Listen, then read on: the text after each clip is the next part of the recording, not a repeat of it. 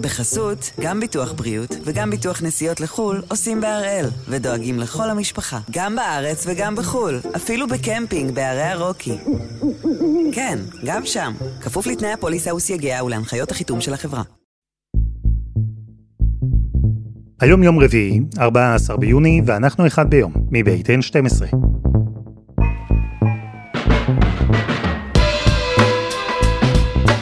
אני אלעד שמחה יופי, אנחנו כאן כדי להבין טוב יותר מה קורה סביבנו, סיפור אחד ביום, בכל יום.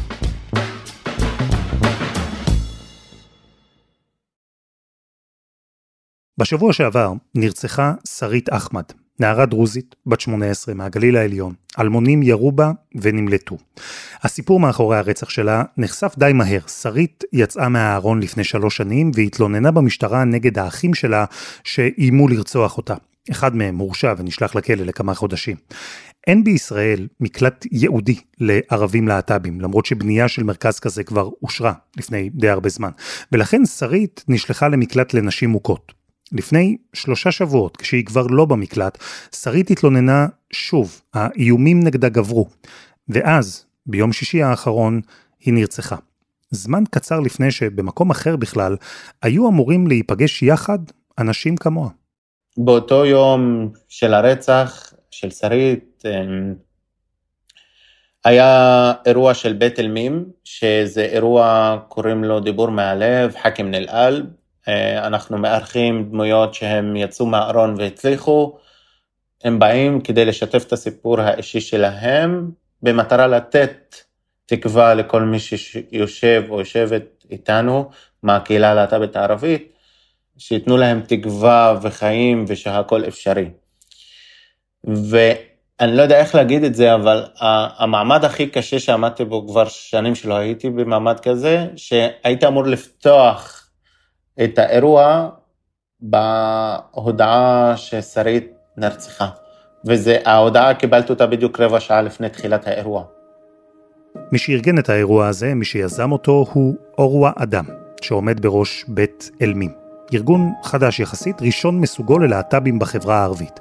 אורווה עבר המון גם ברמה האישית וגם כמי שמייצג קבוצה כדי להגיע בדיוק לרגע הזה.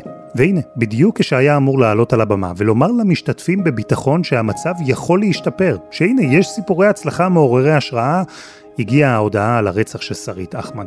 אני התאפקתי לא לבכות, באמת, היה לי כאילו הדמעה שלי ממש עמדה לרדת והתאפקתי עד סיום האירוע, כאילו, וכשחזרתי הביתה ממש פירקתי את הכל, אבל uh, הייתי חייב לעמוד חזק מול כולם, שזה דבר שאי אפשר לתאר אותו, כאילו, אתה בא לתת תקווה, אבל אתה מתחיל את האירוע, ספציפי גם לקהילה הלהט"בית, אתה מתחיל את האירוע עם הודעה כזאת, כאילו, איפה התקווה שאתה מדבר עליה? איפה באמת התקווה שאתה מדבר עליה, ובדיוק מי שנרצחה כי היא לסבית, כי היא בחרה לחיות את החיים שלה. כפי שהיא רוצה. נאלצנו כאילו להמשיך כאילו שום דבר לא קרה, כדי באמת לבוא ולתת להם את התקווה הזאת שדיברנו עליה, ואנשים יצאו מבולבלים, כאילו, תקווה, אכזבה, כעס, אה, פחד. אנחנו נאלצנו גם לפתוח את הקו קשב של העמותה שלנו, באותו רגע שקיבלנו את ההודעה. הקו הוא בדרך כלל לא פועל בימי שישי שבת, פתחנו אותו שישי שבת, קיבלנו עשרות פניות של פחד, של הם ידעו עליי, הם לא יודע, כאילו דברים שהם, אתה צריך לבוא ולהיות חזק ולהמשיך לעודד את האנשים האלה.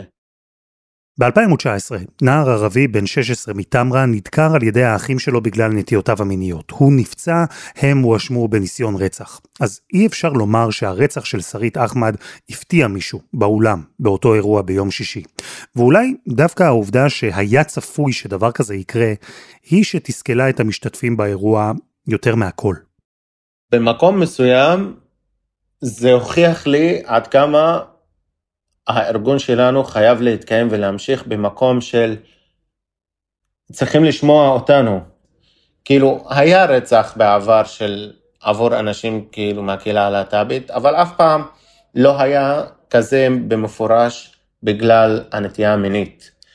ואותי אישית זה גם במקום מסוים אומר לי, כשיצאת מהארון לפני 12 שנה עדיין לא השתנה כלום.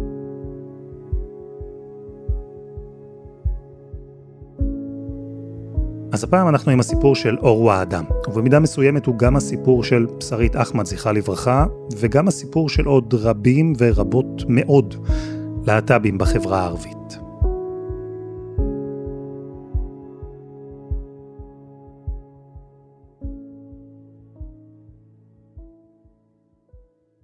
אורווה, קח אותי לתקופה שלפני היציאה שלך מהארון. פחדת? ברור. במקום מסוים בחיים חשבתי שאני היחידי שמרגיש ככה. באמת, בתקופה שלי האינטרנט היה בתחילתו ולא כל הדברים על הקהילה הלהט"בית היו מפורסמים ודברים כאלה. אז במקום מסוים הרגשתי כאילו אני היחידי שמרגיש ככה. ממה פחדת? אני לא בא מבית אה, שהוא כאילו יכול להיגמר ברצח, אבל אי אפשר לצפות לאן זה יגיע. והפחד שלי באמת כאילו היה מוצדק במקום מסוים. לא לכל הרגעים הוא מעוניין לחזור, יש כאלה שעדיין, גם היום, קשה לו להיזכר ולדבר עליהם. אבל דווקא ההתחלה הייתה מפתיעה והייתה אופטימית, כי בשלב הראשון לא הייתה שם ביקורת או אלימות כלפיו, להפך. אני החלטתי לצאת מהארון בגיל 17 בתהליכים של לאט לאט. באתי ושיתפתי שתי מורות שלי בבית ספר, האמת שקיבלו אותי, תמכו בי, זה עודד אותי להמשיך לשתף. אה, שיתפתי את החברים הכי קרובים שלי בכיתה, והיה שם גם אה, קבלה שלא, כאילו לא מובן מאליו, אבל ברגע שהתחלתי לצאת ולשתף, אה, התגובות היו אחרת, אחרות. החלטתי לבוא לעו"סית של הבית ספר ולשתף אותה כדי לדעת איך להתקדם עם כל הבחירה הזאת של לבוא ולשתף. מה הכוונה איך להתקדם? להתקדם באיזה אופן, באיזה מובן?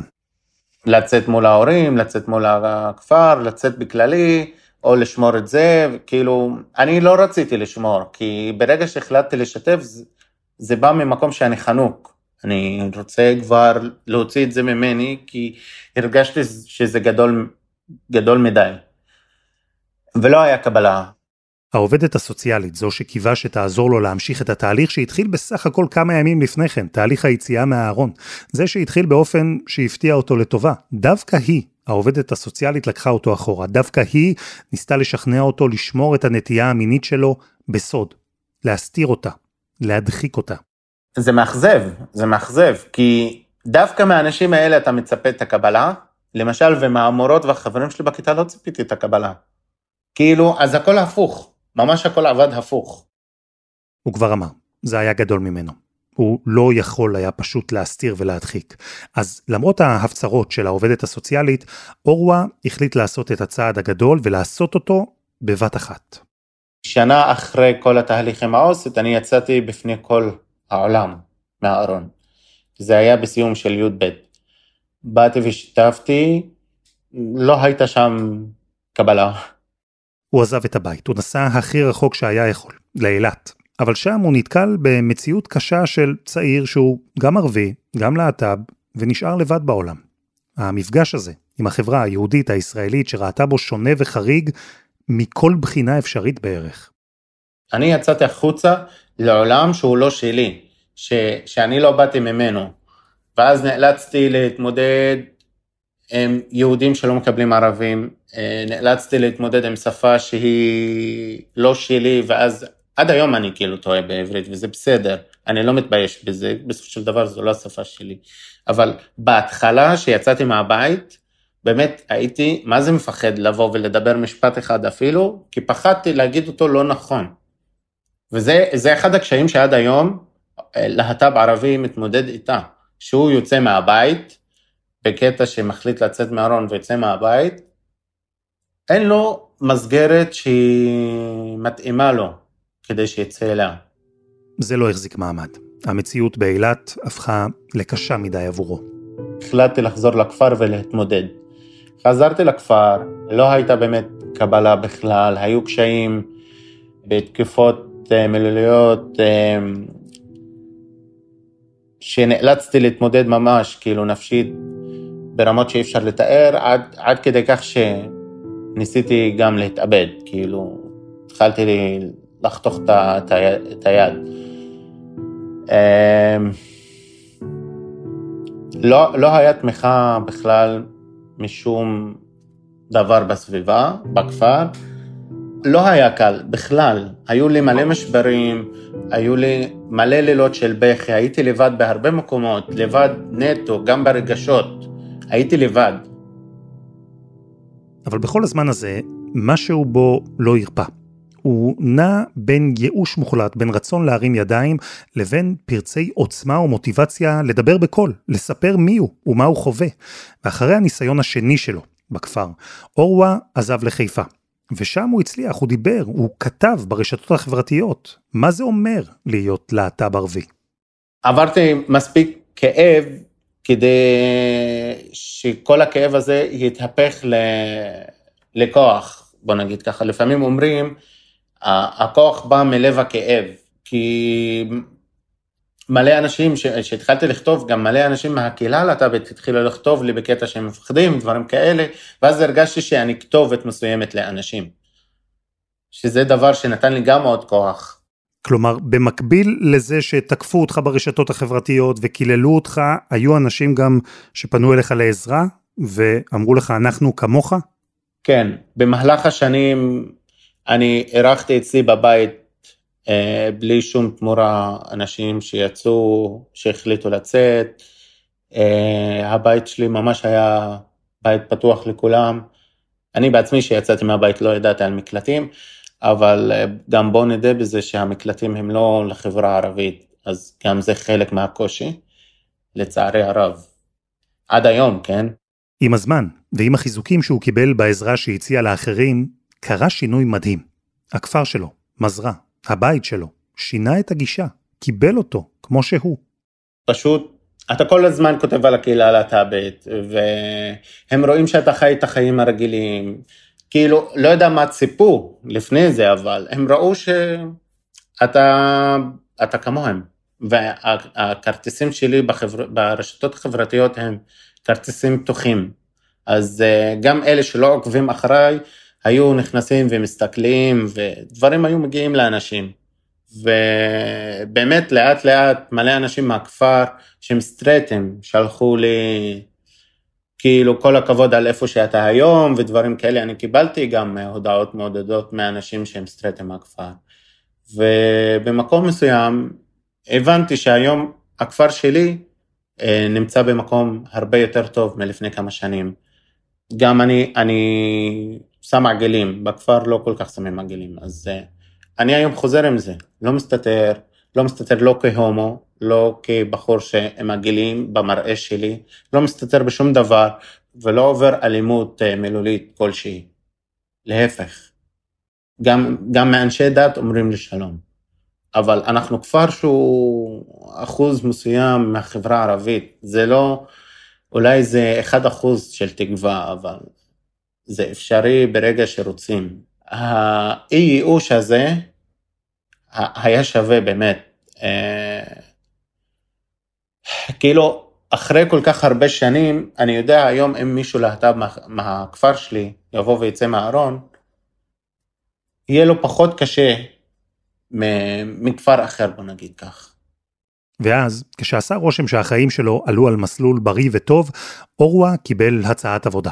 לנהל פרויקט חדש וראשון מסוגו, הקמה של ארגון למען הקהילה הלהט"בית הערבית, ארגון שישתף פעולה עם מוסדות ישראלים ויעניק שירותים יהודיים בשפה הערבית, הכל כדי להפוך את החוויה הטראומטית שהוא עבר לטראומטית וקשה פחות עבור אחרים. האמת שאני הייתי בעבודה כל כך מסודרת לפני התפקיד הזה. שמונה שנים של אחלה עבודה, של אחלה קבלה, של אחלה מקום, אחלה מנהל. לא, לא, לא, לא חיפשתי עבודה, באמת לא חיפשתי עבודה. ואז הצעתי, כאילו, הראיתי למנהל שלי את התפקיד הזה, והוא ממש דחף אותי לתוך זה, ועזר לי גם בכתיבת קורות חיים מושקעות, וכאילו, זה היה מטורף, כאילו, לקבל גם את הגב מהמנהל בעבודה שלך, אומר לך, אני משחרר אותך, לך, זה תפור עליך. אבל התלבטת. היה לי מלא חששות. כי? כי לא קל. פה אתה הולך ממש לפנים של הדבר. כאילו, אתה ממש הפנים. וזה מה שהפחיד אותי. וכשהתקבלתי לתפקיד, עדיין הייתי עם חששות, אה, עד שבמקום מסוים, שהבנתי שזה גדול מדי, נכנסתי למשהו שהוא גדול ממני. כי יש לך פה כמה מקומות להתמודד איתם. החברה הערבית עצמה, החברה הישראלית והקהילה הלהט"בית הערבית. כאילו, אתה צריך להתמודד עם שלושה דברים שהם לא פשוטים. הרגשת שזה גדול עליך, אז מה עשית? הגשתי התפטרות, אמרתי עוד חודש, אני לא פה, אבל במהלך החודש הזה הארגון יצא לאור, והוחלט לעשות צעד, גם ראשון, הראשון מסוגו, להפיץ שלטים ביישובים ערבים. יש לנו בית, בית לכל הזהויות המגדריות והמיניות בחברה הערבית, והשלטים תוך 24 שעות כמובן, הורידו אותם, ושם אני הבנתי, טוב, אנחנו בפנים של המאבק, והמאבק הזה צריך אנשים חזקים. כמה שאני חשבתי שאני חזק, אמרתי אני צריך לקחת את כל החוזק הזה ולחזק אותו עוד יותר, ולהמשיך בתפקיד, והודעתי שאני ממשיך. חסות אחת, וממש מיד חוזרים.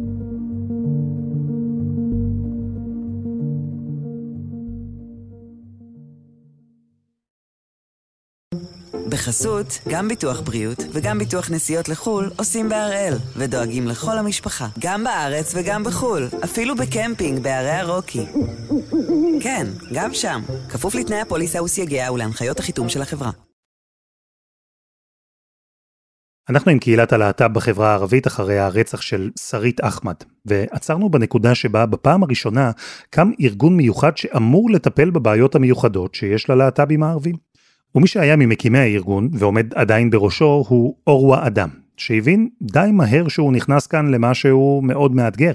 ואת החיזוק לחששות שלו הוא קיבל לא הרבה זמן אחרי שהארגון הוקם. ב-2021 נערך מחקר ראשון מסוגו שנעשה על חברי הקהילה שלו.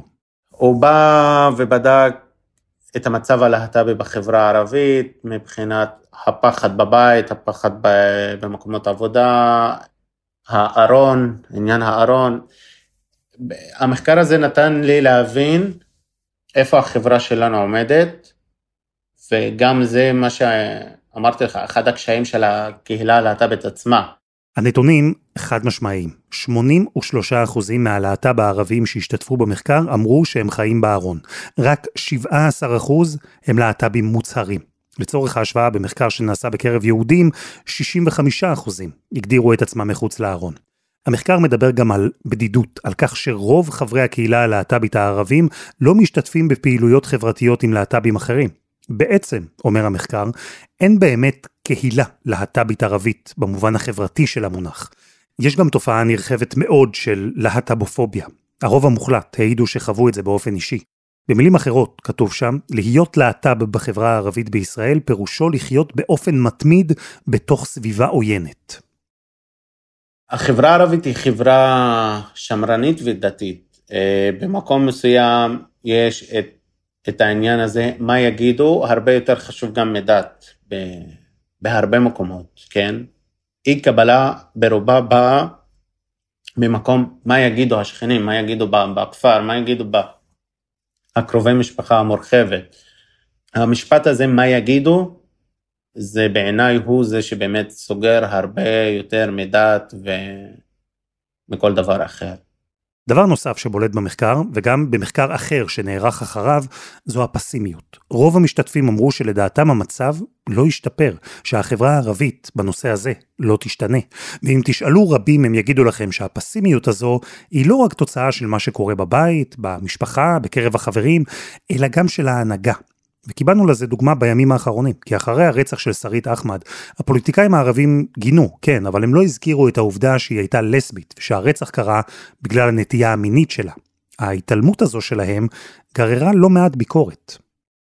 ברגע שאנשים שיש להם כוח בחברה הערבית, שזה, אם זה חברי כנסת, אם זה אנשי דת, אם זה אנשים ציבוריים, יפסיקו לעודד להט"בפוביה, שיפסיקו לעודד שנאה כלפי הקהילה הלהט"בית, הרבה דברים השתנו, אבל בשנתיים האחרונות, להפך, כל הכוח, אנשי הכוח, בוא נגיד ככה, עודדו את הלהט"בפוביה, וזה מה שהפחיד את הקהילה הלהט"בית. ברגע שאנשי הכוח האלה ידברו על לכבד את הבן אדם כפי שהוא ולתת לו לחיות כפי שהוא, ברגע שהשיח ישתנה מלמעלה, השיח כן ישתנה בתוך החברה. הכל בא מלמעלה בחברה הערבית. זה אנשי הדת, זה אנשי הכנסת, חברי הכנסת הערבים, ואנשים שהם ציבוריים ויש להם את המילה הגבוהה. וברגע שמישהו מהחברה מקדם משהו שקשור לכאב של החברה, זה יישמע אחרת, זה יישמע יותר חזק, זה יישמע יותר, יותר אמיתי. אז אורווה, תספר לי על בית אלמים, איך נראית הפעילות שלכם היום? בית אלמים יש לו היום כמה שירותים שהוא נותן, נתחיל בקו הקשב שהוא התחיל, כשאני התחלתי בתפקיד היה שלושה ימים בשבוע במתכונת וואטסאפ, היום הקו עובד חמישה ימים בשבוע במתכונת שיחות טלפון, וואטסאפ וצ'אט אנונימי באתר. בהתחלה היינו מקבלים בממוצע החודשי 30 פניות, היום אנחנו עומדים על ממוצע 80 בחודש. יש לנו את המערך הפסיכוסוציאלי, שמקבלים טיפול אה, עו"ס אה, להט"ב, שהוא מומחה להט"ב בחברה הערבית. יש את האופציה של אה, ליווי משפטי, התייעצות עם עורך דין, במידה ויש אפשרות לעזור בעניינים משפטיים כמו פלילי, כמו דיני עבודה, דברים כאלה. כל השירותים האלה כמובן חינמים. ויש את המפגשי גיבוש קהילה, שזה קבוצות קטנות, נפגשים אחת לשלושה שבועות בערך, באים, משתפים בחופשיות, במפגש פיזי, וזה לא רק מאחורי המסך ובטלפון. ואנחנו גם עובדים מאוד חזק לקדם את הצעת חוק שהייתה להקים מקלט לקהילה הלהט"בית הערבית, שיהיה מקלט בשפה הערבית, אז אנחנו עובדים קשה כדי באמת להחזיר את זה לשטח, כאילו ש, ש, שיקום המקלט ולא רק סתם דיבורים באוויר. אז אני מוכרח לשאול אותך, אחרי הכל, ולמרות הכל, ולמרות הפסימיות הרבה של רבים מהחברים והחברות שלך, אתה אופטימי? אתה מאמין שיהיה שינוי לטובה? כן, בטח. כי אני מסתכל על עצמי כסיפור אישי, איפה הייתי ואיפה אני היום, ומסתכל גם על איפה היה בית אלמים לפני שנה ואיפה הוא היום. היום הוא כבר כתובת להרבה, לעשרות ומאות אה, מחברי הקהילה הלהט"בית הערבית, שהוא נותן תקווה, הוא כתובת לכל מי שמפחד, לכל מי שמרגיש לבד, כדי שלא ירגישו לבד. כן, מאמין בשינוי, זה פשוט, אני מאמין שלוקח זמן כמו כל דבר שלוקח זמן. זה לא יבוא היום ולא יבוא מחר, אבל אם תתייאש, כאילו, אתה לא תשנה. אני כן התייאשתי, אבל המשכתי, היום אני מאוד חזק. במקום מסוים אני מאמין שעוד עשר שנים אני אעמוד בגאווה על איפה שתהיה החברה הערבית. אור האדם, תודה רבה. תודה לך. ונאמר שקו הקשב של בית אלמים נמצא בטלפון 077-5466-359 או בוואטסאפ 054-873-2110. אפשר גם לקיים צ'אט אנונימי באתר האינטרנט בית אלמים.org.il. וזה היה אחד ביום של N12. אנחנו מחכים לכם בקבוצה שלנו בפייסבוק, חפשו אחד ביום, הפודקאסט היומי. העורך שלנו הוא רום אטיק, תחקיר בהפקה, עדי חצרוני, דני נודלמן, רוני ארני ושירה הראל. על הסאונד, גל רודיטי, יאיר בשן יצר את מוזיקת הפתיחה שלנו, ואני אלעד שמחיוף. מחר אנחנו נשדר כאן את הפרק השני בסדרה המיוחדת שלנו, סודה ברינקס.